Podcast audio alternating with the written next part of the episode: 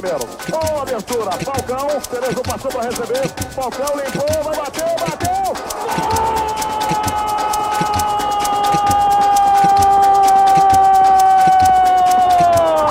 Brasil! Radio Brazylia, Dziś podcast o dwudziestolatkach, trochę na zmęczonym głosie to wszystko będę nagrywał. Do późnej nocy oczywiście oglądałem mecze. Kopinia, jesteśmy już w ćwierćfinałach, pierwszy za nami, a dzisiaj w nocy rozpoczyna się Sulamericano, czyli Mistrzostwa Ameryki do lat 20.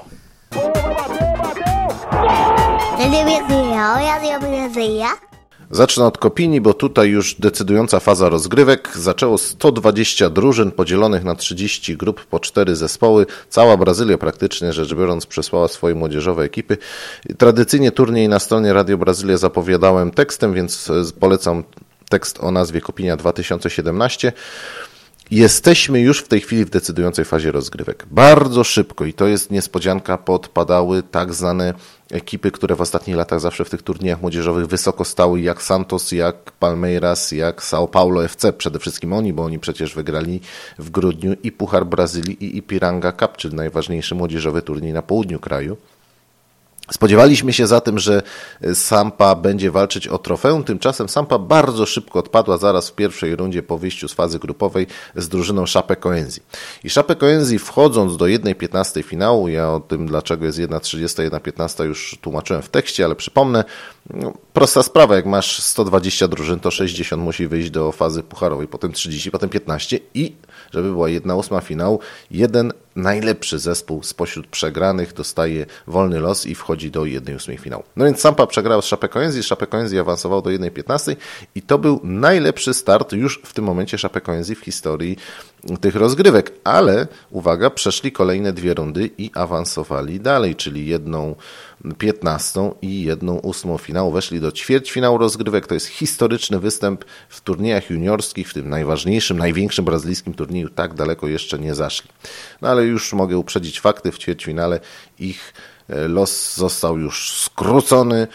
Odpadli z Paulistą Żundżai, która awansowała do półfinału. I to jest mega sensacja, ponieważ jest to zespół, na którego e, na który po prostu nikt tutaj nie liczył. To jest wydarzenie na pewno, bo e, Paulista Żundżai ani żadnych wielkich nazwisk nie ma, ani tam nie ma żadnych piłkarzy, na których czaiłyby się te największe kluby ze stanu São Paulo, więc myślę, że tak naprawdę ten zespół narodził się i odkrywany będzie przez trenerów i menadżerów zaraz po Kopini. No ale wracam do gigantów. São Paulo odpadło. Odpadł szybko Palmeiras, który przywiózł tutaj bardzo ciekawego chłopaka, Gabriela Barbosę, rocznik 99, środkowy napastnik, 195 cm wzrostu, mieli Państwo.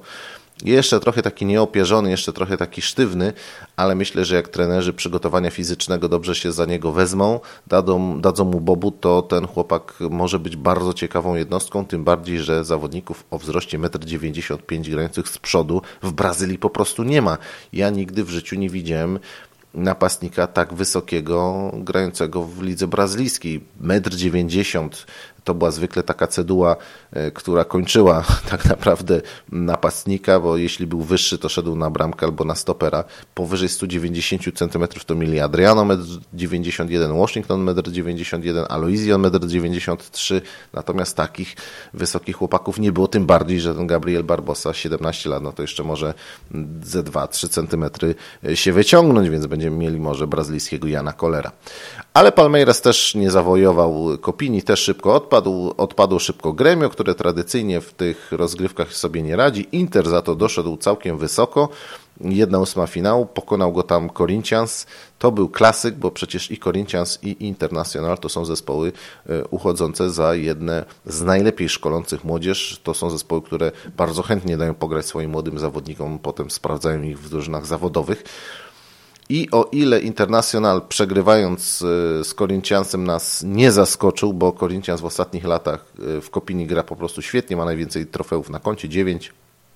Grał trzy ostatnie edycje w finale tego turnieju, więc to w zasadzie jest e, samo z siebie wiadome, że e, powinien tutaj wysoko zajść. Natomiast ten mecz był o tyle ważny i prestiżowy, bo Osmar Los, trener Corinthiansu, to był ten trener za kadencji, którego Internacional, jego U20 grał naprawdę świetnie i był jednym z hegemonów brazylijskiej piłki, więc e, to był taki prestiżowy bój wygrany przez zespół Timao. Timao awansowali do ćwierćfinału, tam zagrają z Flamengo, to będzie rewanż za ubiegły rok. Oczywiście mało który zawodnik rok temu, yy, grający rok temu w finale Kopini będzie występował w tym ćwierćfinale. Rok temu pamiętam, że bardzo żałowałem, że Corinthians przegrał, bo Corinthians grał piłkę naprawdę znakomitą, poukładaną, ciekawą, świetnie zorganizowaną, a przy tym zawodnicy bardzo dobrze wyszkoleni technicznie, duża szybkość zespołowa.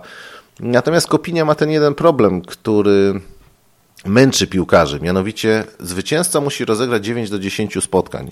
Turniej trwa 3,5 tygodnia, więc intensywność gry jest ogromna, zważywszy na fakt, że w Brazylii jest w tej chwili środek lata, temperatury powyżej 30 stopni. Raz grasz wieczorem, raz grasz w trakcie dnia.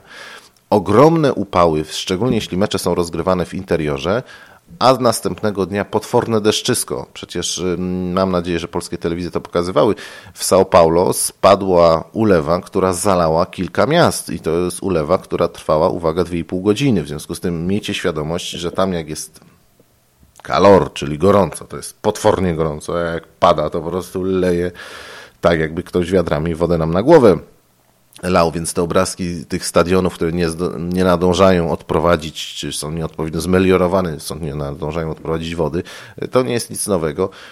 I drużyny grające w piłkę zaawansowaną technicznie, grającą po ziemi, no mają trudniej, co tu dużo kryć, więc trzeba trochę takiej e, brytyjskiej kopaniny uskutecznić, grać wysoko, heja do przodu i dzida. Corinthians, ważne jednakże w ćwierćfinale jest, Corinthians ma dwie perły, które oglądać trzeba i Pedrinho to jest skrzydłowy, brylantowy technik, wspaniała technika, naprawdę kiwa jak szatan, dogrywa piłki, czuje blusa, gra na, jedną, na jeden kontakt, gra na ściany, to jest naprawdę chłopak, który może zrobić w niedalekiej przyszłości wielką karierę o ile Gabriel Barbosa, e, no ze względu na to, że jest tak duży i dużo piłek dostaje, no to gdzieś tam się wyróżnią, o tyle Pedrinho to jest chłopak, który sam sobie robi grę i to jest naprawdę zawodnik, którego myślę, że jak Corinthians na niego nie postawi w najbliższym czasie, to ktoś powinien im sprzątnąć go sprzed nosa i powiedzieć, jesteście baranami i tyle, bo macie perłę, macie perłę. Drugi zawodnik to jest Carlinhos, też powyżej 1,90 m napastnik, ale zupełnie inna sytuacja niż z Gabrielem Barbosą. Rocznik 97, on niedługo skończy 20 lat, bardzo szybki, plastyczny, świetny dribbling, kapitalnie kończy, Wydaje mi się, że spośród wszystkich napastników, tych środkowych, których oglądaliśmy w tegorocznej edycji Kopini, on był numerem jeden. Troszkę mi przypomina młodego Emanuela Adebayora. Mam nadzieję, że w głowie będzie miał trochę więcej niż Emanuel Adebayor. A ponieważ Adebayora bardzo lubiłem, bo on dostarczał czegoś, co nazwałbym wrażeniami estetycznymi, no to kibicuję oczywiście Kaliniosowi. I mam nadzieję, że niedługo też pojawi się w drużynie zawodowej i przede wszystkim wysadzi z siodła tego e, kelnera Jo, człowieka, który miał szansę, miał potencjał po temu, żeby zrobić karierę, a tak naprawdę już 5 lat temu ta jego kariera się skończyła, bo chłopak nie był w stanie udźwignąć e, talentu, który Bozia mu dała. Wyjechał, przypomnę, w wieku 20 lat z Korynciansu właśnie w wielki świat, a w wieku 25 lat tak naprawdę by już graczem upadł.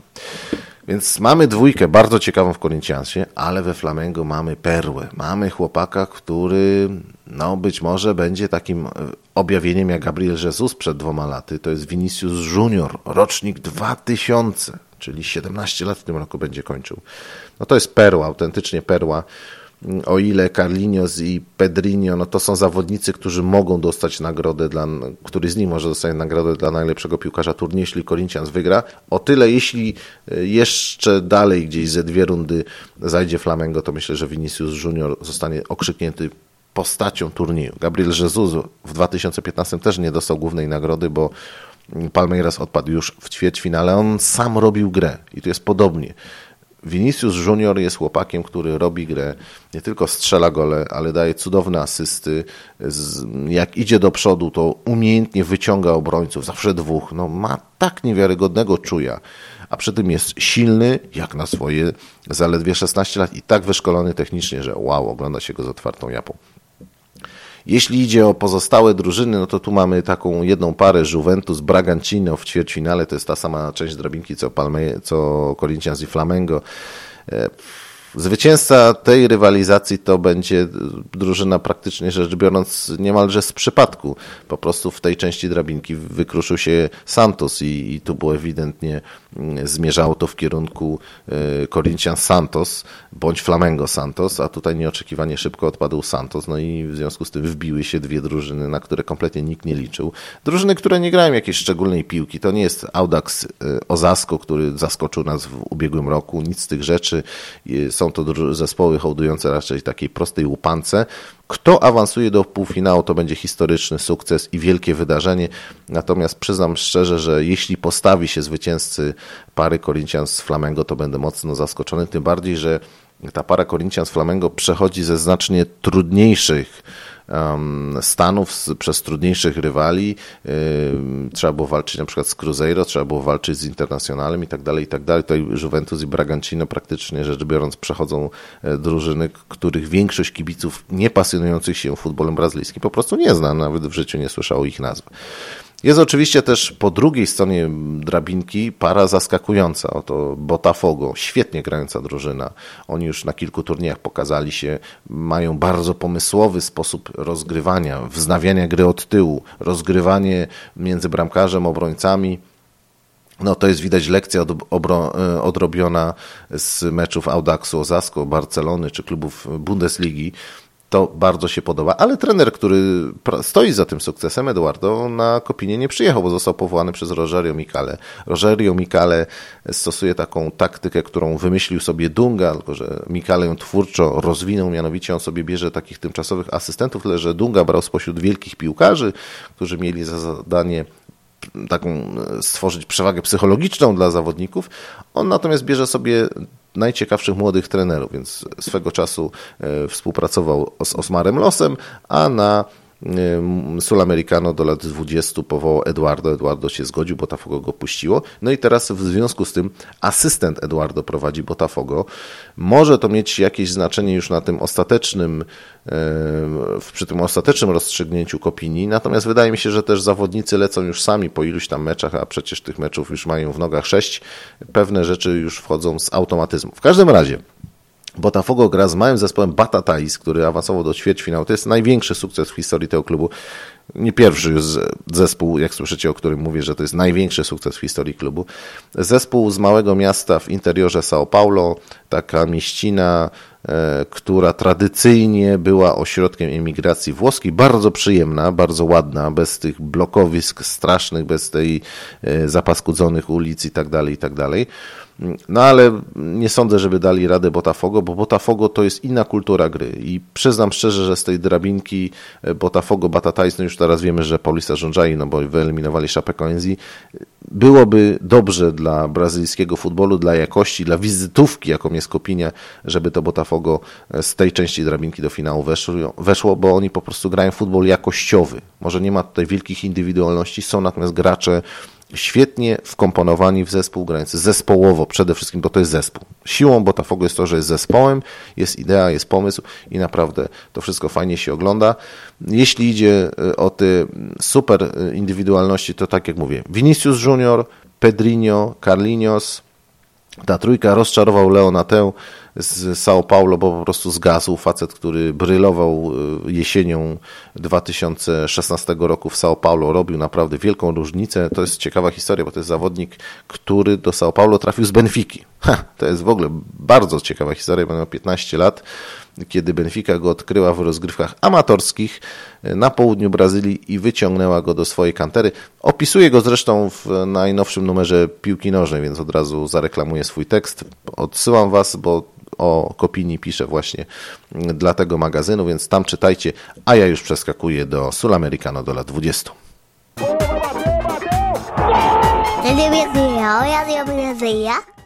10 drużyn rozgrywa Mistrzostwa Ameryki Południowej, no, klasyka, y, tym razem w Ekwadorze. Co więcej, bardzo mądrze to wszystko zostało pomyślane, bo Ekwadorczycy nie będą skakali między Quito i Guayaquil. To jest ważna informacja, ponieważ jak wiecie, reprezentacja Ekwadoru zwykle swoje mecze gra w Quito na wysokościach, natomiast największy port i tak naprawdę najważniejsza e, obok Quito miejscowość w tym kraju pod względem gospodarczym, Guayaquil to jest port bardzo niziutko osadzony. Guayaquil to jest ważne miejsce, bo kilka klubów piłkarskich ważnych stamtąd pochodzi, między innymi słynny Emelec. Trudna nazwa, zawsze dziennikarze łamią sobie e, zęby i język na e, wymówieniu nazwy Emelec Guayaquil, więc jest Barcelona z Guayaquil oczywiście, też ważna drużyna, też reprezentująca ten kraj w południowoamerykańskich pucharach. Słowem, ważny piłkarski ośrodek, ale ktoś słusznie e, doszedł do wniosku, że lepiej, żeby piłkarze grali mniej więcej na tych samych warunkach e, wszyscy, więc generalnie będziemy ten turniej rozgrywali w górach, w czterech miastach na czterech stadionach, no bo też turniej nie wymaga większej ilości obiektów. I słusznie.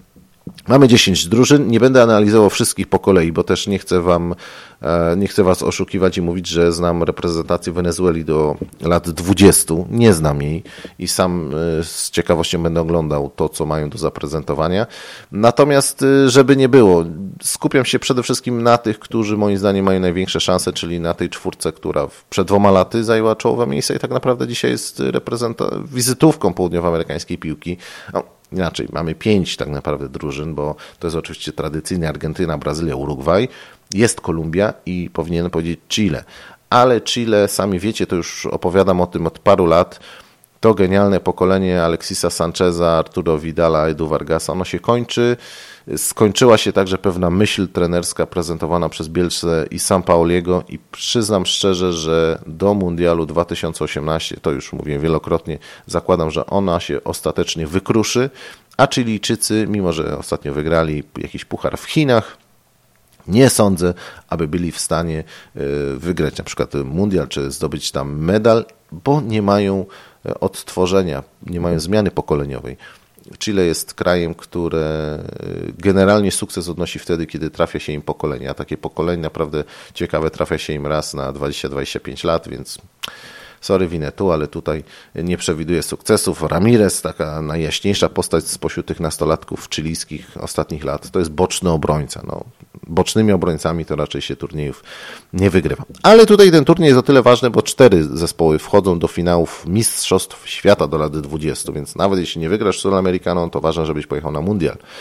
Mundial dwudziestolatków ostatnimi czasy najlepiej prezentowała się Brazylia. Przypomnę, że w 2011 wygrali, w 2015 byli w finale. W tym finale w 2015 byli z Rogerio Mikale, który też ich teraz prowadzi. To jest ten sam trener, z którym wygrali Igrzyska Olimpijskie w Rio w 2016 roku. Mikale, przypomnę Wam, że w takich skandalicznych okolicznościach przejął reprezentację, bo na Sulamericano przed dwoma laty przyjechali z Alessandre Gallo, trenerem wariatem, który wybrał drużynę z kosmosu Innych zawodników testował przed Sulamericano, a innych wziął. To była taka zupełnie zaskakująca historia. Potem e, rozczarowany wynikiem, bo Brazylia gra bardzo słabo, ledwie się doczołgała do tej czwórki, która była premiowana awansem do Mistrzostw Świata. Były jakieś tam kolejne turnieje, on znowu wziął inną drużynę i kolejną znowu drużynę powołał 30 zawodników na Mistrzostwa Świata i wtedy ktoś w CBF-ie powiedział, nie, no ten facet po prostu ma coś z głową i trzeba go zwolnić. Go zwolnili. No i dali tych 30 chłopaków Mikale, on musiał wybrać spośród nich 22, no wielkiego wyboru nie miał. No i zważywszy na fakt, że miał tylko kilka tygodni na przygotowanie zawodników, na porozumienie się w ogóle jakiekolwiek z nimi, wicemistrzostwo świata trzeba uznać za wielki sukces, no i potem ten jeszcze złoty medal olimpijski. Więc Mikale przede wszystkim jest już trenerem sprawdzonym e, w pracy z młodzieżą e, na poziomie CBF-u. To po pierwsze, a po drugie wreszcie przywozi zespół taki, jaki on chciał, taki, jaki sobie wybrał. Nie przesadzał też z dużymi nazwiskami, znaczy kilku zawodników z, tych, ta, z takimi nazwiskami, które pojawiają się w międzynarodowej prasie, on sobie odpuścił. To nawet nie dlatego, że mm, mają jakieś wielkie obowiązki w swoich klubach, bo Sami wiecie przecież, że Copa Libertadores jeszcze nie wystartowało, jeszcze nie wystartowała Liga, teraz dopiero przygotowujemy się do startu Mistrzostw Stanowych. On po prostu miał swoją koncepcję ją zrealizował i tyle. Jego pozycja w klubie, w reprezentacji jest w tej chwili mocna po wygraniu Igrzysk Olimpijskich, więc może sobie pozwolić na różnego rodzaju ekstrawagancje. CBF mu na to pozwala i w związku z tym myślę, że Brazylię przede wszystkim dlatego, że jest zorganizowana w sposób przemyślany, dobrani zawodnicy, to uwaga, uwaga, moim zdaniem ta reprezentacja Brazylii może być bardzo mocna, bardzo silna. Kogo Wam z tej reprezentacji polecam? No przede wszystkim bramkarza Kajkiego z Vitorii Bahia. Wielkie chłopisko, 1,98 m, brylował na Kopini e, bodaj w 2015 roku. Gra na co dzień Vitorii Bahia i w 2016 był jedynką w tym klubie. No powiedzcie mi, ilu niespełna 19-letnich bramkarzy od czasu Ikera Casillasa znacie, którzy byli jedynkami. No mamy teraz młodego chłopaka w Milanie, był nastolatkiem Gigi Buffon i tak dalej, i tak dalej. Generalnie ci, którzy jako nastolatkowie zaczynają w klubach, no to wiemy o tym, że później są bramkarzami reprezentacji i wielkie kluby ich chcą. Mam tylko nadzieję, że właśnie Kajki to będzie pierwszy wybór trenera, bo to jest już w tej chwili, można śmiało powiedzieć, najbardziej sprawdzony na poważnym już gruncie e, spośród tej trójki bramkarzy. Jest jeszcze Clayton i Lucas Perry z São Paulo. Jeśli idzie o bocznych obrońców, przede wszystkim Guilherme Arana z Corinthiansu. Ja tego chłopaka bardzo lubię, ciągle uważam, że za mało gra. No, w Corinthiansie ma poważną konkurencję, więc to jest inny problem, o Corinthians zawsze ma e, dobrych bocznych obrońców, ale gra, ma już e, jakieś tam doświadczenie ligowe, rocznik 97, w tym roku kończyć będzie 20 lat. Mam nadzieję, że to będzie jedna z takich widowiskowo grających postaci reprezentacji Brazylii. Jeśli idzie o stoperów, to mam Lianko, z São Paulo. Ciekawy, duży chłopak. Y, już też nie jeden zawodowy mecz na jego koncie. Jest Leo Kunia, grający na co dzień w portugalskiej Bradze, więc też myślę, warto będzie się mu przyglądać. No i jest oczywiście Gabriel Savai, też mający na koncie sporo już zawodowych występów. Druga linia, y, tu ja, prawdę powiedziawszy, najbardziej liczę na Majkona z Korynciansu w roli takiego kierownika tej drugiej linii. Środkowy pomocnik, trochę z głębi atakujący, dobre wykończenie, świetnie wchodzący, e, jeśli drużyna będzie grała na długie utrzymywanie się przy piłce, dominacja. Myślę, że tak to właśnie będzie wyglądało. To, to będzie taki chłopak w stylu Paulo Roberto Falcao, jeśli pamiętacie. Jeśli idzie o napastników, to mamy tutaj dwie postaci. Środkowy bombardier do kończenia, Richarlison z Fluminense, no to już piłkarz sprawdzony, najpierw świetnie radził sobie na boiskach drugiej ligi, jeszcze jako 18-latek nastukał tam sporo goli i za duże pieniądze kupił go Fluminense, sprawdził się, gra w lidze, to jest wyjściowy, wyjściowa jedenastka Fluminense, więc ma, mówimy o zawodniku, który już na tym zawodowym e, placu jest świetnie sprawdzony, no a drugi to jest Dawid Neris, moim zdaniem kandydat na gwiazdę numer jeden reprezentacji Brazylii. Kto wie, może kandydat na jedną z największych gwiazd w ogóle tego turnieju. Skrzydłowy, brylantowy technik, miał przerwę 8 miesięcy, nie grał ze względu na kontuzję, ale szybko się pozbierał. E, po kilku tygodniach od momentu wznowienia treningów już zaczął grać w São Paulo. W pierwszym zespole strzelał bramki.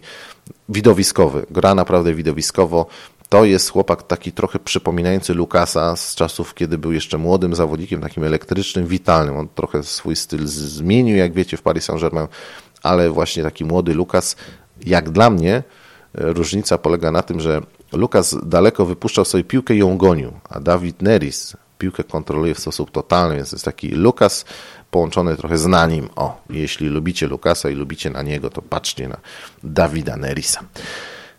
Ale, ale, oczywiście Brazylia jest jednym z faworytów, natomiast nie ostatnim, nie jedynym. E, Urugwaj. Moim zdaniem Urugwaj to jest drużyna, która tutaj wypadałoby, żeby wreszcie wygrała. Fabian to jest trenerem już chyba piąty Mistrzostwa Ameryki do lat 20. Największe ma doświadczenie spośród wszystkich tutaj trenerów. W ogóle ma rekord meczów i rekord lat spędzonych na stanowisku trenera U20. Przywozi ciekawą ekipę, która ma naprawdę kilka i gwiazd, i zawodników sprawdzonych. No, jak można mieć gwiazdy w dwudziestolatkach? No, pff, można mieć. Jak popatrzy się na skład reprezentacji Urugwaju, to od razu będziecie wiedzieli. Rodrigo Amaral. Dwa lata temu to był taki młody killer, niespełna 18-letni, który dawał genialne zmiany, a problemem Urugwaju było to, że oni spuchli na koniec, bo po prostu nie mieli zmienników. I Rodrigo Amaral to był taki chłopak, który dawał kapitalne zmiany. Ja liczyłem, że on zrobi szybką karierę, ale niestety jemu odbiła palma. No i ta kariera gdzieś tam utknęła. Nabrał kilogramów. Przytył 6 kilo po e, Sulamericano. No i gdzieś tam utknął w Nacionalu, nie pozwalali mu grać e, i Daniel Fonseca, jego menadżer, nawet w jednym z wywiadów powiedział o nim, że ma nawalone w głowę, więc jak już tak menadżer mówi, zresztą sam przed laty wieloletni reprezentant Urugwaju, gracz wielkich klubów Ligi Włoskiej, jeśli tak mówi o swoim podopiecznym, w którego zainwestował i na którym liczył na pewno, że zarobi niemałe pieniądze, no to, to wiele mówi. Rodrigo Amaral się odbudowuje. Znowu gra. No i zobaczymy, jak będzie grał w czasie tej e, Sulamerykany. Liczę, że z powodzeniem. Ale oczywiście w pierwszej linii mamy dwie potężne postaci. Nico Chiapacase, rocznik 99, obecnie piłkarz Atletico Madryt. Ja o tym chłopaku mówiłem już tyle razy, że trudno się powtarzać, ale niech będzie, bo to jest naprawdę zawodnik, który moim zdaniem jest największym talentem urugwajskiego futbolu od czasów Suareza i Cavaniego. E, to jest zawodnik, który spośród wszystkich nastolatków urugwajskich, których widziałem w ostatnich latach, a widziałem ich naprawdę sporo, robi największe wrażenie. Po prostu finalizuje. Jak chce, to kończy. Jak chce, to podaje, rozgrywa, widzi, gra głową. Jest duży do tego, bo ma 1,87 m wzrostu. Silny, szybki, świetny technicznie potrafi wyjść do kontry, potrafi grać kombinacyjnie, w zasadzie potrafi wszystko, jak na tak młodego zawodnika oczywiście. W związku z tym zakładam, że to może być chłopak, który w tym turnieju po prostu e, zmiażdży system i będzie jego największą e, gwiazdą. Ale w odwodzie mają Joaquina Ardaiza, też rocznik 9-9. To jest zawodnik grający w Danubio. Mam nadzieję, że niedługo Sfinalizowany zostanie jego transfer. Silny, 1,86 m, ponad 80 kg, cały w tatuażach, pochodzi z Salty, podobne warunki fizyczne jak Eddie Cavani, zresztą mieszkał blisko, stąd te porównania do Cavaniego bardzo często. Oczywiście nie wiemy na ile to jest chwyt marketingowy po to, żeby pomóc mu znaleźć robotę w Europie, natomiast jest to już zawodnik, który gra w lidze urugwajskiej, nie jest starterem, ale w każdym meczu się pojawia, wchodząc z ławki. Y, jak na 17-latka to naprawdę dużo. Spory potencjał jest silny. To jest jego ogromny atut, więc y, ci obrońcy zwykle, szczególnie w przypadku reprezentacji Brazylii czy Kolumbii, oni zawsze się wyróżniają takimi wielgachnymi chłopiskami. Dla Urugwaju to może być kluczowe, bo i Kiapakase i Ardaisto są po prostu zawodnicy silni. Y, Amaral, no to jest dzik, więc y, tak ciekawej trójki napastników, uhu, nie pamiętam kiedy y, Urugwaj młodzieżowy miał taki wybór. Agustin Conobio, Canobio z Phoenix też jest zawodnikiem interesującym, też młodym. Jego ojciec był piłkarzem, w ogóle pochodzi z piłkarskiego rodu. Dobrze wyszkolony technicznie zawodnik, natomiast ja nie wiem, czy on jest mentalnie, czy on jest takim dzikusem jak Amaral i Kiapakase, więc zobaczymy, turniej pokaże, chociaż podejrzewam, że będzie zaczynał jak jako rezerwowy, ale mają bardzo ciekawych kilka postaci w głębi pola.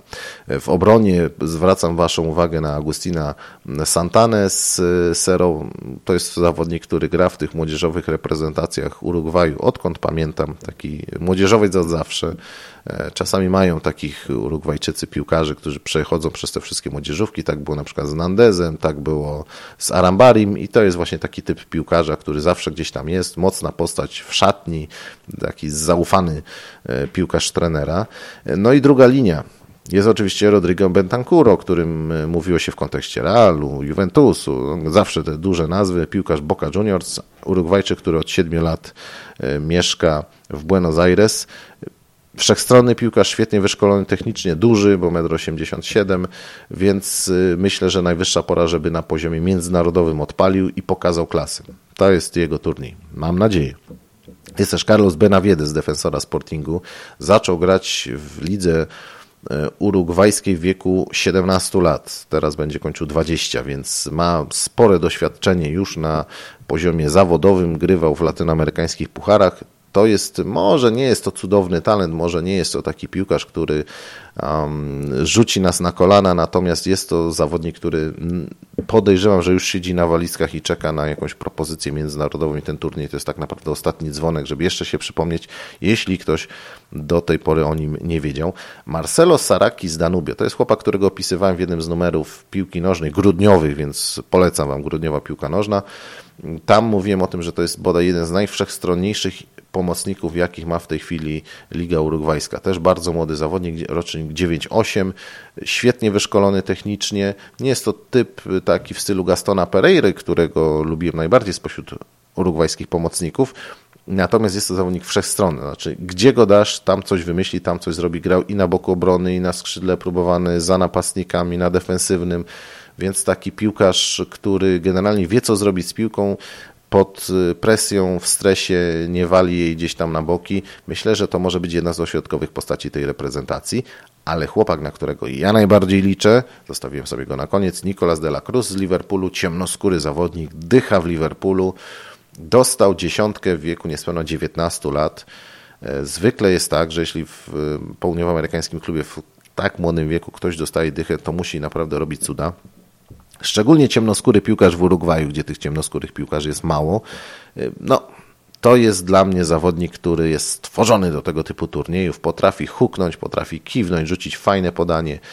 Robi widowisko, robi show, naprawdę. Jest to taki facet, który wydaje mi się, że w takim turnieju dwudziestolatków może odpalić.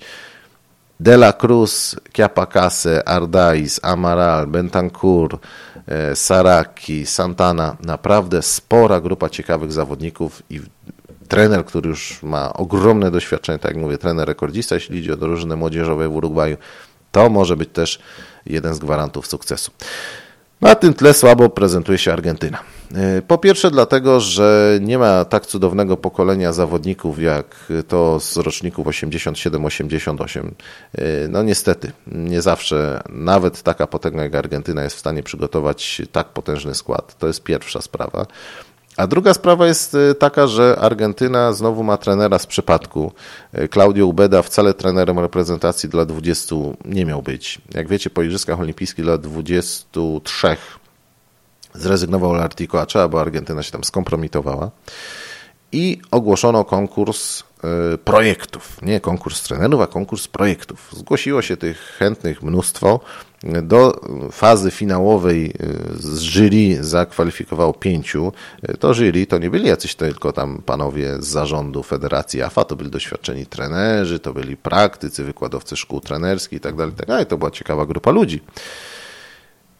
I proszę sobie wyobrazić, tam był taki y, projekt między innymi prowadzony przez Aziale. Oj, o, o tych projektach zresztą opowiadałem, więc y, polecam poszperać na stronie Radia Brazylii. W każdym razie y, jedni mieli takie pomysły, inni śmakie, inni jeszcze owakie. Ten pomysł był tani, ten nieco droższy. No, panowie generalnie przeskakiwali samych siebie, wymyślając różne rzeczy, by ożywić tą młodzieżową piłkę w Argentynie. Ale wygrał Claudio Ubeda, który w ogóle swojego projektu nie złożył. Czyli tak po argentyńsku bym powiedział, czyli ta mentalność taka tych prezydentów federacji pod tytułem róbcie se swoje, ja i tak to mam w dupie, bo wygrywa ten, kogo ja chcę. No niestety, jak zwykle poszło tak samo. Ubeda generalnie wielkiego wsparcia nie ma. To znaczy, sami wiecie, że w AF jest w tej chwili totalny gnój. Nie wiadomo, kto tak naprawdę tam pociąga za sznurki i rządzi. Jest po prostu marazm, rozlazłe to wszystko, bo każdy chce sobie jeszcze trochę pożyć. Wiedzą, że w końcu prędzej czy później to się utnie, wyfruną ci wszyscy kolesie, więc póki co w tej mętnej wodzie zawsze ktoś tam coś dla siebie złapie. I Ubeda wychodzi z takiego układu. No niestety ci piłkarze, którzy grają w tych młodzieżówkach, którzy marzą o kontraktach w Europie i tak naprawdę dzisiaj Argentyna przeszła na tę pozycję Ligi Brazylijskiej, czyli chłopak gra tylko po to, żeby wyfrunąć do Europy. No, Ubeda na pewno nie jest takim trenerem, za którym zawodnicy e, pójdą w ogień i on też nie jest takim trenerem typu Sampaoli, typu Pochettino, typu Bielsa, typu Simeone trenerem, e, który ma swoją jakąś wizję. To jest po prostu sprawdzony trener i tyle. No. Uff. No, no i w ten piękny sposób myślę, że podsumowałem go w sposób straszny. Natomiast tak, e, Argentyna ma e, zawodników ciekawych, ale głównie na tyłach. Na przykład Nauel Molina, to jest boczny obrońca, prawa obrona z Boca Juniors, na pewno go świetnie znacie, bo już jest sprawdzony w zespole Boca Juniors. Ciekawym stoperem jest Cristian Romero z Belgrano. Skończył w tym roku 19 lat. Spore doświadczenie w turniejach zawodowych już ma także w pierwszej lidze argentyńskiej. No i generalnie powiem tak, nie ma takich zawodników, którzy robią grę w taki sposób, że wow, szczęka opada. Może Santiago mm, Ascasibar, może. Z Estudiantes niedługo skończy 20 lat. Ale to tylko dlatego, że jego doskonale znamy ze względu na to, że on w Estudiantes gra już dosyć długo, od dwóch lat praktycznie rzecz biorąc gra w zawodowcach. To może być taka kluczowa, ośrodkowa postać. Z tych młodych perełek, no to w zasadzie Ezekiel Barco z Independientem w zasadzie, no talent ma naprawdę ogromny. W tym roku kończyć będzie dopiero 18 lat. To jest naprawdę perła i daj Boże, żeby ten chłopak odpalił. Joaquin Pereira z Rosario Central też warto zwrócić uwagę na tego zawodnika. E, potrafi huknąć, strzelił e, sporo już goli, dużo e, właśnie za sprawą takich strzałów z dystansu. I jest jeszcze Lucas Rodriguez Estudiantes, też niespełna 20-letni chłopak, też już spore doświadczenie w zawodowcach, więc to może być kluczowe. Te dźwięki, które tam słyszycie, to mój kot, który głupieje. A jeśli idzie o napastników, to no cóż, konieczny z San Lorenzo. Oczywiście, że konieczny. 30 marca skończy 19 lat. To jest chłopak, który gdzieś tam z południa, z Argentyny pochodzi, blisko Patagonii. Przeniósł się do San Lorenzo. W San Lorenzo daje, dostaje, dostaje ciężką, twardą szkołę. Rzadko się pojawia na boisku, ciągle jeszcze w kanterze, ale myślę, że to już jest najwyższa pora, żeby ten chłopak odpalił. Duży, silny, potężny strzał, fajna kiwka, świetna technika najwyższa pora, aby e, konieczny chłopak jak najbardziej o polskich korzeniach e, odpalił. Ale generalnie, tak jak słyszycie, brak entuzjazmu na temat argentyńskiej drużyny i muszę się przyznać, że też mało entuzjazmu mam w stosunku do Kolumbijczyków. To znaczy, myślę, że wejdą do czwórki, oczywiście, że tak, natomiast nie wierzę w to, żeby wygrali ten turniej. Po pierwsze, dlatego, że nie mają już takiej ciekawej paczki, jak to miało miejsce dwa lata temu. Dwa lata temu, mimo bardzo ciekawej paki, nie wygrali turnieju, więc tym bardziej nie wydaje mi się, żeby było im to dane. Tym razem e, tak naprawdę zastanawiam się, który z tych piłkarzy e, najbardziej by mi się podobał. Tam jest jeden chłopak z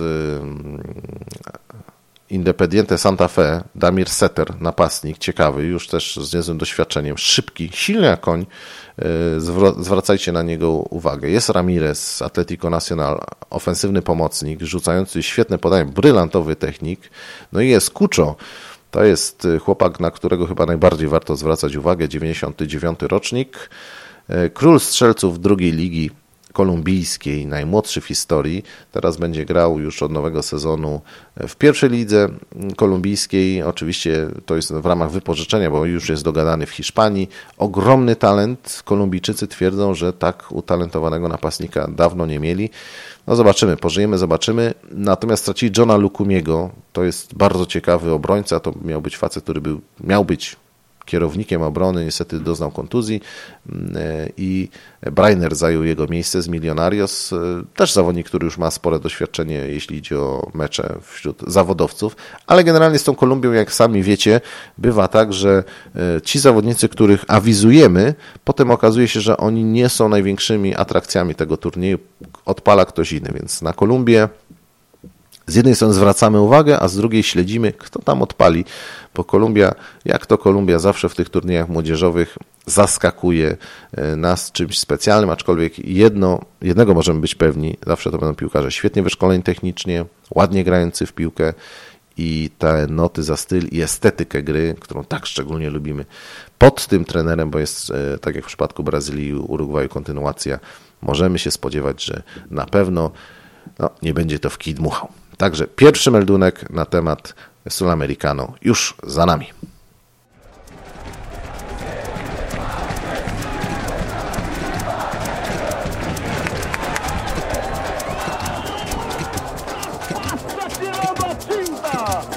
levou primeiro. Boa abertura. Falcão. Cerezo passou para receber. Falcão limpou, vai bater, bateu. Gol!